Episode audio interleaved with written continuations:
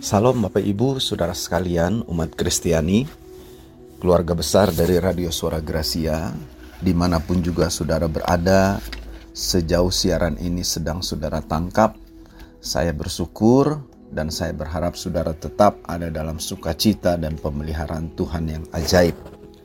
Saudara-saudara hari ini kembali kita akan sama-sama belajar kebenaran firman.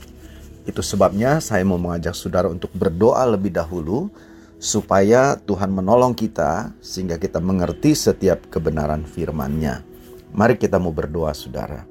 Bapa kami yang ada di dalam surga, kami mengucapkan syukur kepada Tuhan buat anugerah berkat-berkat yang limpah yang Tuhan berikan kepada kami.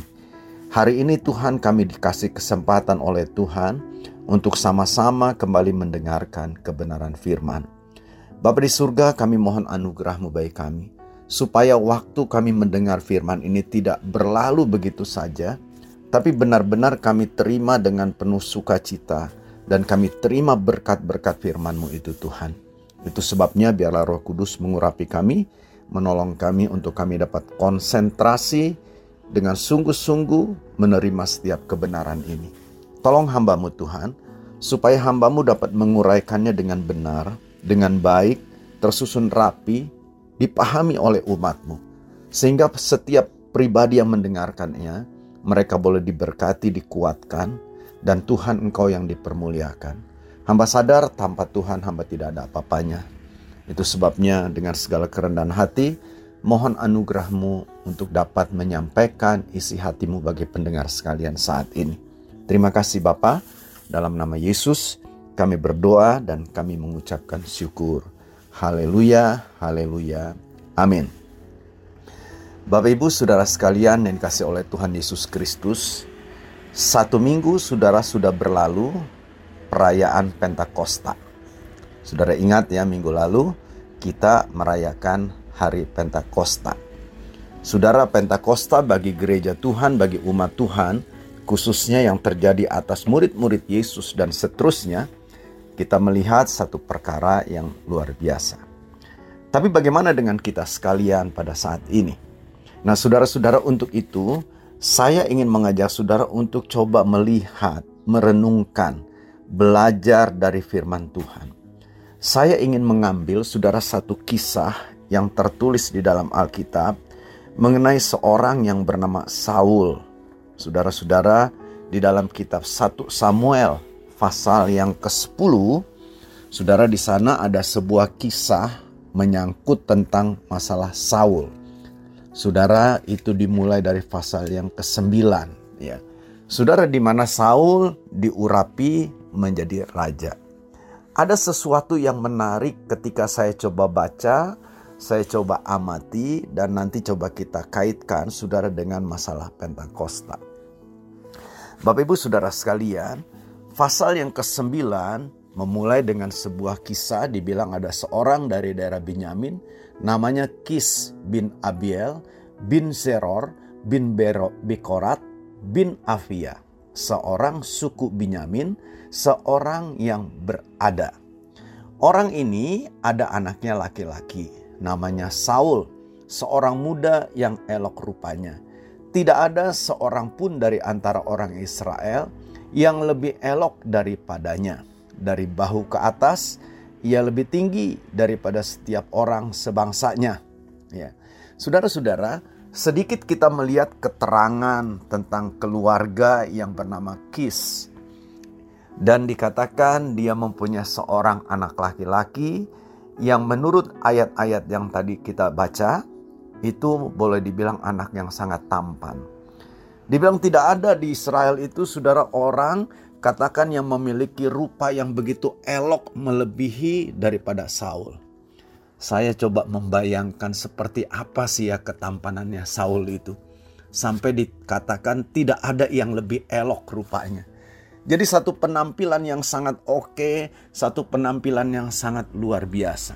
Ditambah lagi dikatakan juga ayah dari Saul yang bernama Kis ini dia bukan orang sembarangan, dia disebut orang berada. Nah, Bapak Ibu Saudara sekalian, lalu kalau saudara baca terus diceritakan Kis ini, ayah Saul ini kehilangan keledainya. Saudara entah dicuri, entah mungkin kesasar, tidak jelas begitu ya. Lalu saudara ayahnya bilang begini sama Saul, coba kamu pergi bersama dengan seorang bujang, bersama dengan seorang pembantu, cari itu keledai itu. Saudara singkat cerita pergilah Saul ditemani oleh seorang hambanya. Mencari saudara terus mencari nggak ketemu. Lalu saudara-saudara mereka akhirnya punya satu ide ingat bahwa di daerah itu dibilang ada seorang hamba Tuhan, seorang nabi Tuhan yang bernama Samuel. Lewat dia bisa kita minta eh, meminta pendapat, minta tolong untuk dikasih tahu di mana sebetulnya keberadaan keledai itu. Nah, Bapak Ibu Saudara sekalian, singkat cerita akhirnya mereka berjalan bertemu dengan Samuel. Nanti Saudara baca ya secara lengkap cerita itu. Yang menarik begini, Saudara dalam proses pencarian keledai itu, saudara-saudara, itu rupanya kita lihat dipakai oleh Tuhan situasi itu untuk menetapkan mengangkat Saul menjadi raja. Dan Tuhan saudara memerintahkan kepada Samuel untuk mengatur sebuah pertemuan lalu diurapilah Saul itu dilantik diangkat menjadi raja. Saudara terjadilah peristiwa itu. Itu sebabnya kalau kita membaca saudara mulai pasal yang ke-10 itu kita lihat ayat 1 dibilang begini. Lalu Samuel mengambil buli-buli berisi minyak, dituangnyalah ke atas kepala Saul, diciumnyalah dia sambil berkata, Bukankah Tuhan telah mengurapi engkau menjadi raja atas umat Israel? Engkau akan memegang tampuk pemerintahan atas umat Tuhan dan engkau akan menyelamatkannya dari tangan musuh-musuh sekitarnya. Inilah tandanya bagimu bahwa Tuhan telah mengurapi engkau menjadi raja atas miliknya sendiri. Nah, jadi saudara lihat, di situlah kita lihat Samuel mengurapi Saul. Dilantiknya, diangkatnya dia menjadi raja.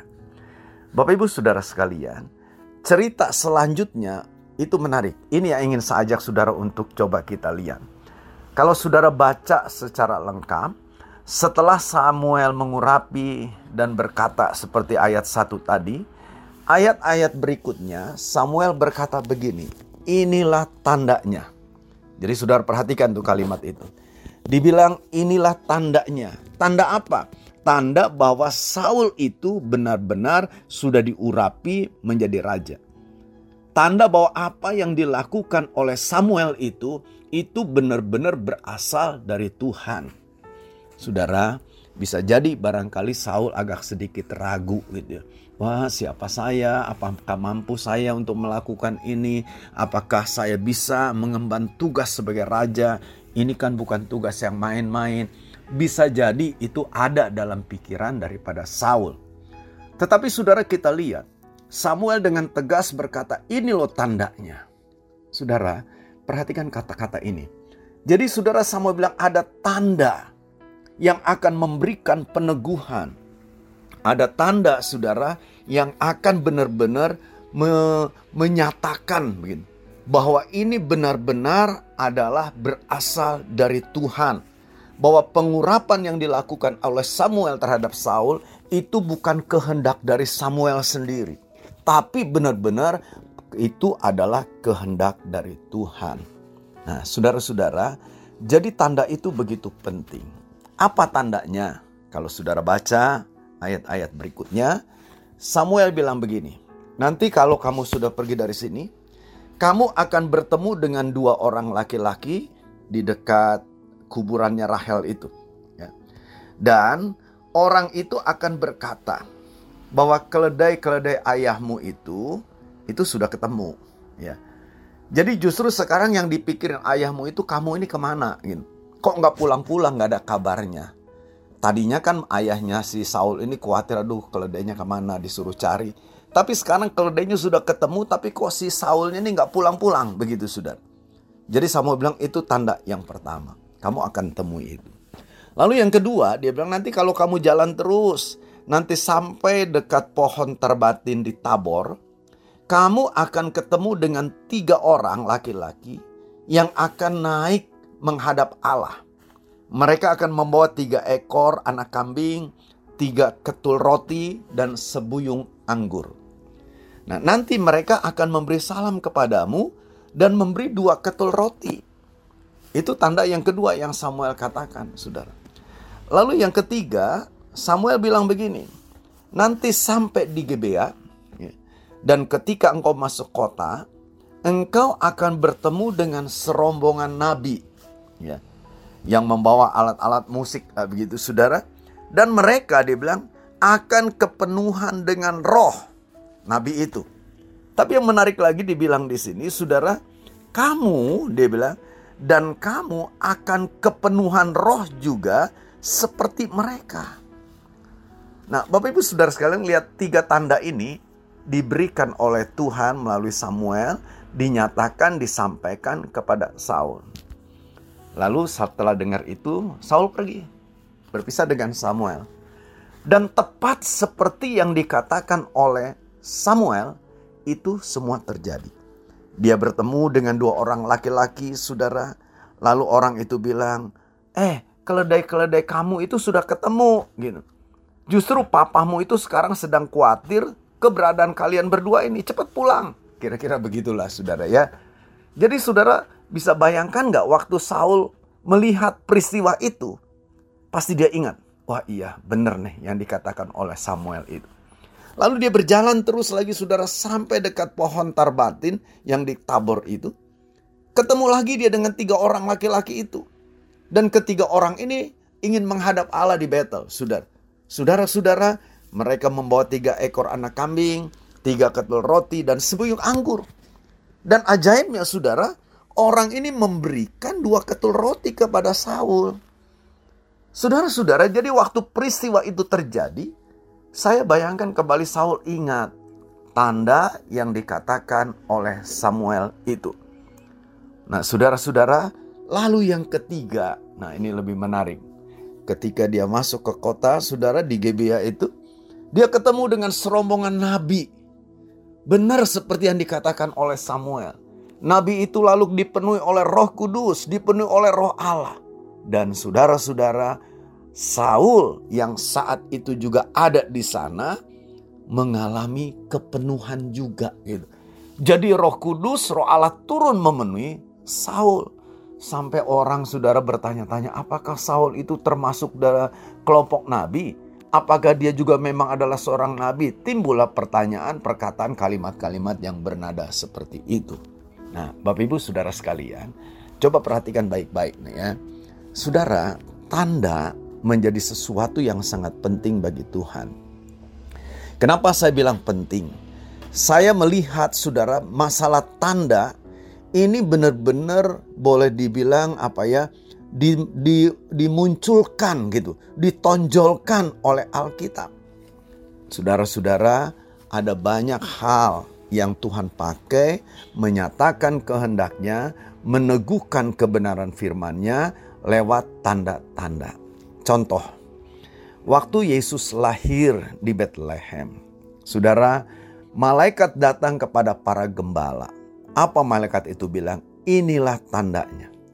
Kamu akan menjumpai seorang bayi yang terbungkus dengan kain lampin dibaringkan di dalam palungan. Itu tanda.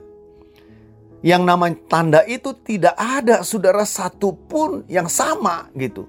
Jadi nggak mungkin pada saat itu dalam waktu yang bersamaan, lalu dalam tempat yang mungkin berdekatan, satu kota, ada dua peristiwa yang sama. Atau tiga peristiwa yang sama. Kan itu akan membingungkan saudara tentu bagi gembala itu yang mana nih yang dimaksud oleh si apa para malaikat itu tentang Mesias itu. Tapi saudara lihat, secara unik, secara khusus gitu saudara. Tanda itu Tuhan berikan dan Tuhan nyatakan. Jadi ketika mereka saudara berangkat ke Bethlehem, mereka tidak bingung. Ketika mereka lihat ada bayi yang dibungkus dengan kain lampin, dibaringkan di dalam palungan, ini tidak salah. Inilah yang dimaksud oleh malaikat itu. Jadi saudara lihat pentingnya tanda itu. Juga ada banyak tanda saudara yang bisa kita lihat ketika kelahiran daripada Yohanes Pembaptis, juga ada tanda yang Tuhan tunjukkan kepada orang tua Yohanes Pembaptis. Jadi tanda-tanda ini menjadi sebuah hal, suatu hal yang penting yang menunjukkan kekasan, kekhususan. Jadi tidak ada yang lain lagi. Nah, saudara-saudara, yang menarik begini, kalau kita saya di awal tadi bilang tentang masalah Pentakosta, saudara, ketika peristiwa Pentakosta itu terjadi, ada tanda-tanda yang kelihatan. Ada tanda-tanda yang nampak, yang terdengar, terlihat oleh mata oleh orang lain. Saudara kalau saudara baca kisah Rasul pasal 2 ya, mereka melihat ada lidah-lidah api, kelihatan tuh saudara. Lalu saudara mereka mendengar ya, ada kata-kata dalam bahasa-bahasa yang mereka tidak mengerti yang keluar dari mulut mereka. Itu tanda, saudara. Dan saudara-saudara itu tidak terjadi pada saat yang sama itu di mana pun juga gitu. Peristiwa Saul dengan rombongan Nabi memang tidak disebutkan secara khusus apa yang nampak gitu.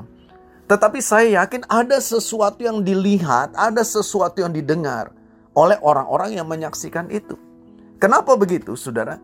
Karena jelas kan tadi saudara kalau saudara baca, kalau saudara perhatikan apa yang dialami oleh Saul ketika bertemu dikatakan dengan rombongan nabi itu, saudara-saudara, itu semua kelihatan oleh orang-orang yang menyaksikannya, oleh orang-orang yang katakan melihat peristiwa itu.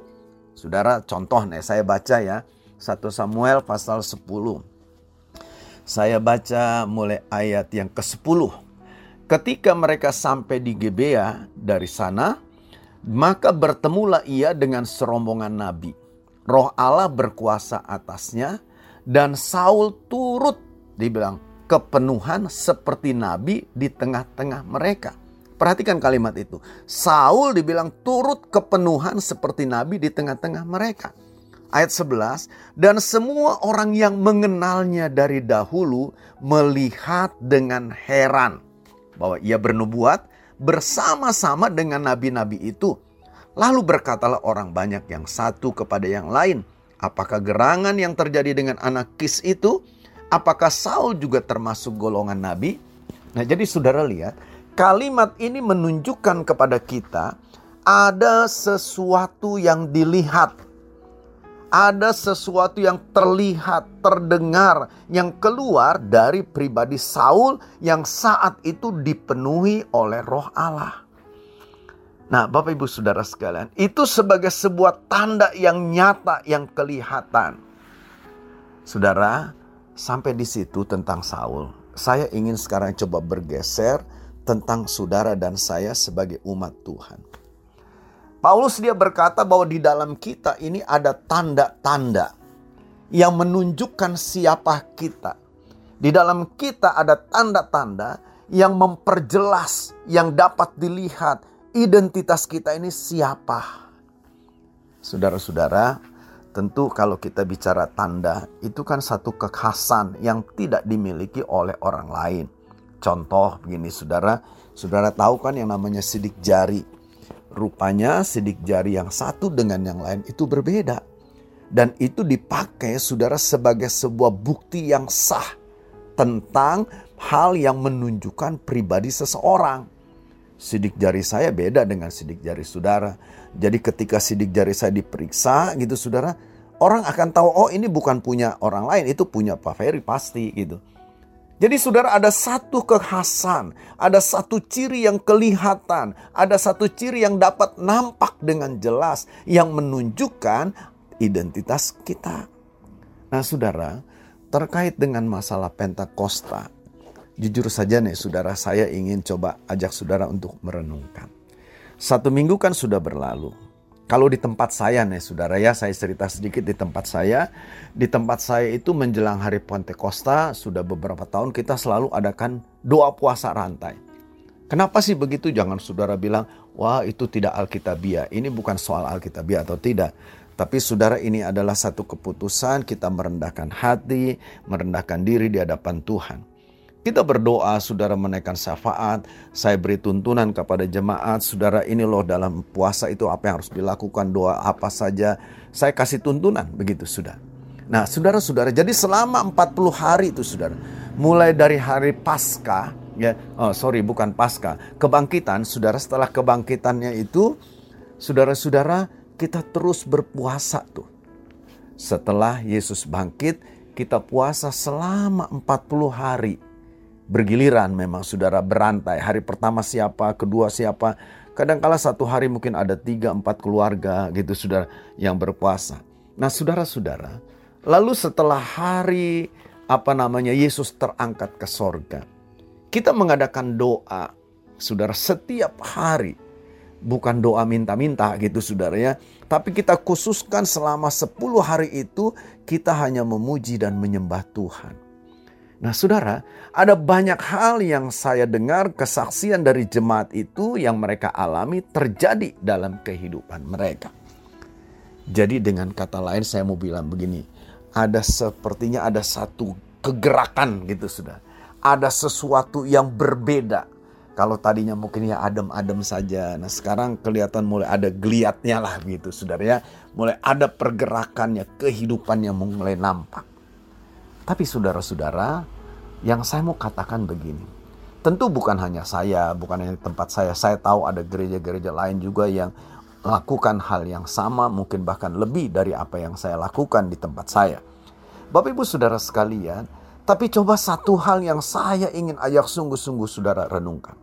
Setelah hari Pentakosta, berarti kalau itu tanggal berapa waktu lalu? Tanggal 5. Hari Pentakosta jatuh di hari Minggu tanggal 5. Dan sekarang saudara sudah tanggal 13. Sebutlah ada waktu satu minggu.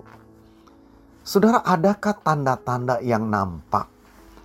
Adakah tanda-tanda yang kelihatan, saudara, yang nampak bahwa gereja Tuhan baru saja merayakan mengalami Pentakosta itu. Saya kira ini perlu kita jawab gitu saudara. Saya benar-benar ingin menghindari dalam arti begini saudara. Kita merayakan merayakan perayaan peringatan-peringatan Kristen ya cuma sekedar sebuah peringatan. Wah kita perayaan Natal kelahiran Yesus selesai. Wah kita rayakan kematian Yesus Jumat Agung ada perjamuan kudus selesai. Kita rayakan Paskah. Wah kita sukacita Yesus menang bangkit selesai gitu. Saudara-saudara, saya pribadi nih saudara, saya nggak tahu lah saudara atau teman-teman yang lain. Tapi saya pribadi, sedapat-dapatnya saya ingin benar-benar menanamkan sebuah pemahaman bahwa itu bukan hanya sekedar sebuah seremonial, bukan hanya sekedar sebuah perayaan yang mengingat peristiwa itu. Saya saudara pengennya sih mau menghindari hal itu gitu. Kenapa saudara? Kita ini sudah terlalu sering terjebak katakan masuk dalam peristiwa-peristiwa peringatan yang sifatnya seremonial saja. Sehingga makna dari apa yang terjadi dalam peristiwa itu itu sudah tidak terasa lagi sudah tidak dirasakan, sudah tidak lagi saudara nampak kelihatan. Kita nikmati, sudah tidak saudara. Coba saudara jujurlah dengan diri saudara. Setelah saudara merayakan katakan hmm, kematian Yesus, pasca Yesus naik ke sorga, lalu Pentakosta. Apa yang saudara rasa? Adakah makna yang saudara terima dalam perayaan-perayaan itu, peringatan-peringatan itu yang mengubah hidup saudara, memberkati saudara, membarui pola pikir saudara, membaharui pemahaman saudara, membuat saudara semakin mencintai mengasihi Tuhan? Ada enggak? Atau ya itu cuma sekedar sebuah peringatan loh. Karena tanggalannya juga merah begitu sudah. Wah semua gereja juga merayakan itu, memperingati itu. Ya sudah kita ikut saja. Saudara, ini yang saya bilang saya ingin hindari. Itu sebabnya kenapa saya ajak jemaat ini untuk berpuasa, berdoa, memuji, menyembah Tuhan. Saya rindu, saudara, mereka bukan hanya sekedar ngerti, oh hari ini kita mengingat kenaikan Yesus ke sorga loh. Ya, oh hari ini kita mengingat turunnya Roh Kudus yang memenuhi murid-murid di Yerusalem. Bukan itu, saudara. Baiklah itu boleh kita mengingat. Tapi kan gak boleh hanya sampai sebatas mengingat. Sebab saya percaya di balik semua peristiwa-peristiwa yang terjadi itu, ada sesuatu yang Tuhan ingin supaya setiap kita umat Tuhan mengalaminya. Mengalami secara pribadi, menikmati secara pribadi. Bapak Ibu, Saudara sekalian, itu sebabnya pertanyaan saya itu sederhana. Setelah satu minggu Pentakosta ini, apa yang saudara rasakan? Apa yang terlihat dalam hidup saudara? Apa yang nampak dalam kehidupan kita? Ada nggak yang kelihatan? Nah, saudara-saudara, ini tentu yang perlu kita renungkan. Saya ingat pada hari Minggu tanggal 5, saudara, dalam perayaan Pentakosta, saya memang tidak khotbah di gereja. Waktu itu istri saya yang khotbah. Saya ingat saudara ada satu kalimat dia bilang begini ketika Tuhan memberikan rohnya kepada murid-murid, maka terjadi perubahan dalam murid-murid itu dan pelayanan mereka selalu disertai dengan mujizat. Jadi ada mujizat yang terjadi, yang dilihat, yang nampak. Bapak Ibu Saudara sekalian, waktu saya dengar itu saya tangkap itu Saudara. Ya istri saya bukan bukan orang punya background pendidikan teologi ya, jadi saya mau berkata lebih jujur begini saudara. Saya bisa menangkap apa yang dia katakan dan saya percaya itu bersumber dari hati Tuhan. Kadangkala kan kalau saya saudara mau siapin khotbah, banyak baca buku, ini dan itu. Nggak salah sih saudara gitu kan. Tapi kalau dia kan mungkin nggak seperti saya.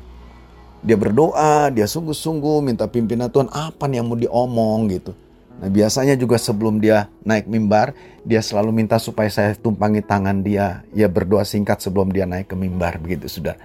Jadi saudara saya terima itu. Ada mujizat. Bapak ibu saudara sekalian. Jadi pada waktu doa 10 hari itu. Ternyata saudara jemaat itu benar-benar juga mengalami mujizat demi mujizat saya nggak terlalu enggak, tapi ketika mereka bersaksi, ketika mereka bercerita kepada saya, apa yang mereka alami, waduh saya bilang luar biasa sekali begitu. Nah jadi saudara lihat, ini adalah tanda-tanda yang kelihatan yang nyata saudara. Nah jadi saudara-saudara, saya sekali lagi mau katakan, coba saudara renungkan, satu minggu Pentakosta ini sudah berlalu. Saudara mungkin di gereja ada khotbah tentang Pentakosta, saudara dengar, itu baik. Tapi coba ingat, apa yang terjadi dalam hidup saudara? Adakah hal-hal yang nampak, yang kelihatan, yang bisa dilihat, dirasakan, bukan hanya kita pribadi, mungkin orang-orang di sekitar kita melihat itu. Kalau kita kembali ke kitab kisah para rasul, kita akan lihat itu, saudara. Jelas tuh saudara akan nampak. Mereka berkata-kata pada hari Pentakosta itu. Tapi tidak titik sampai di situ. Bukan berarti lalu sepanjang hari besoknya terus saudara mereka berkata-kata dalam bahasa roh. Bukan itu yang kelihatan kan. Tapi kita lihat ada sesuatu yang baru yang terjadi.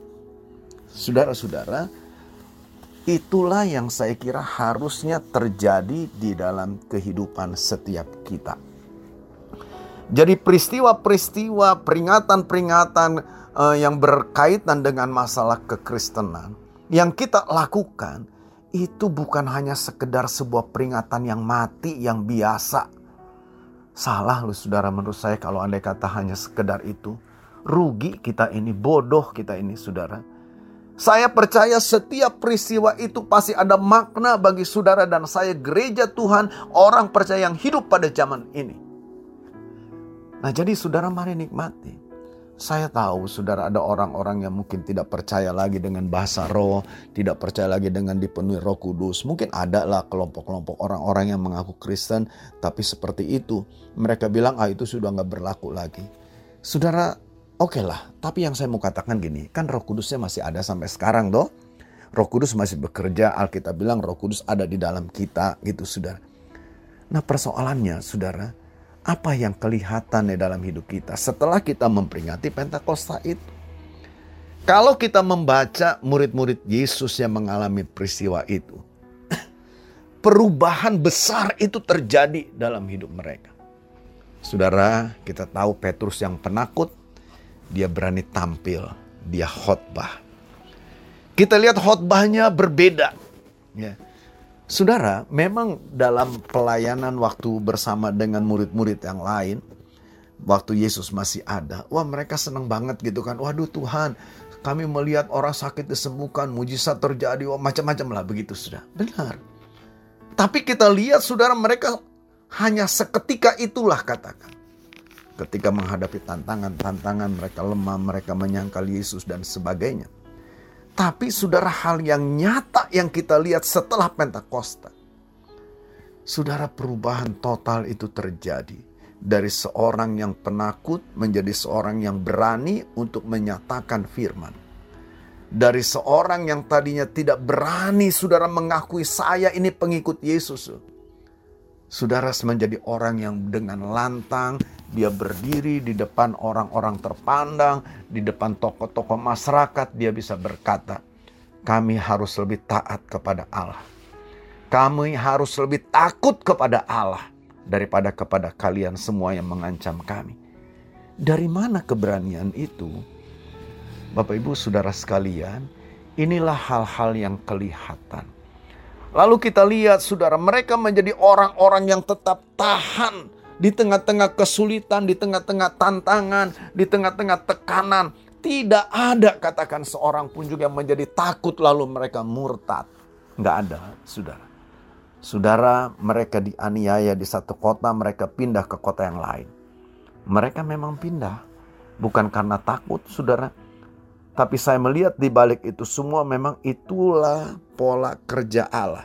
Dengan mereka pindah di tempat yang baru, kalau mereka memang takut, pindahnya karena takut di tempat baru mereka nggak akan buat apa-apa.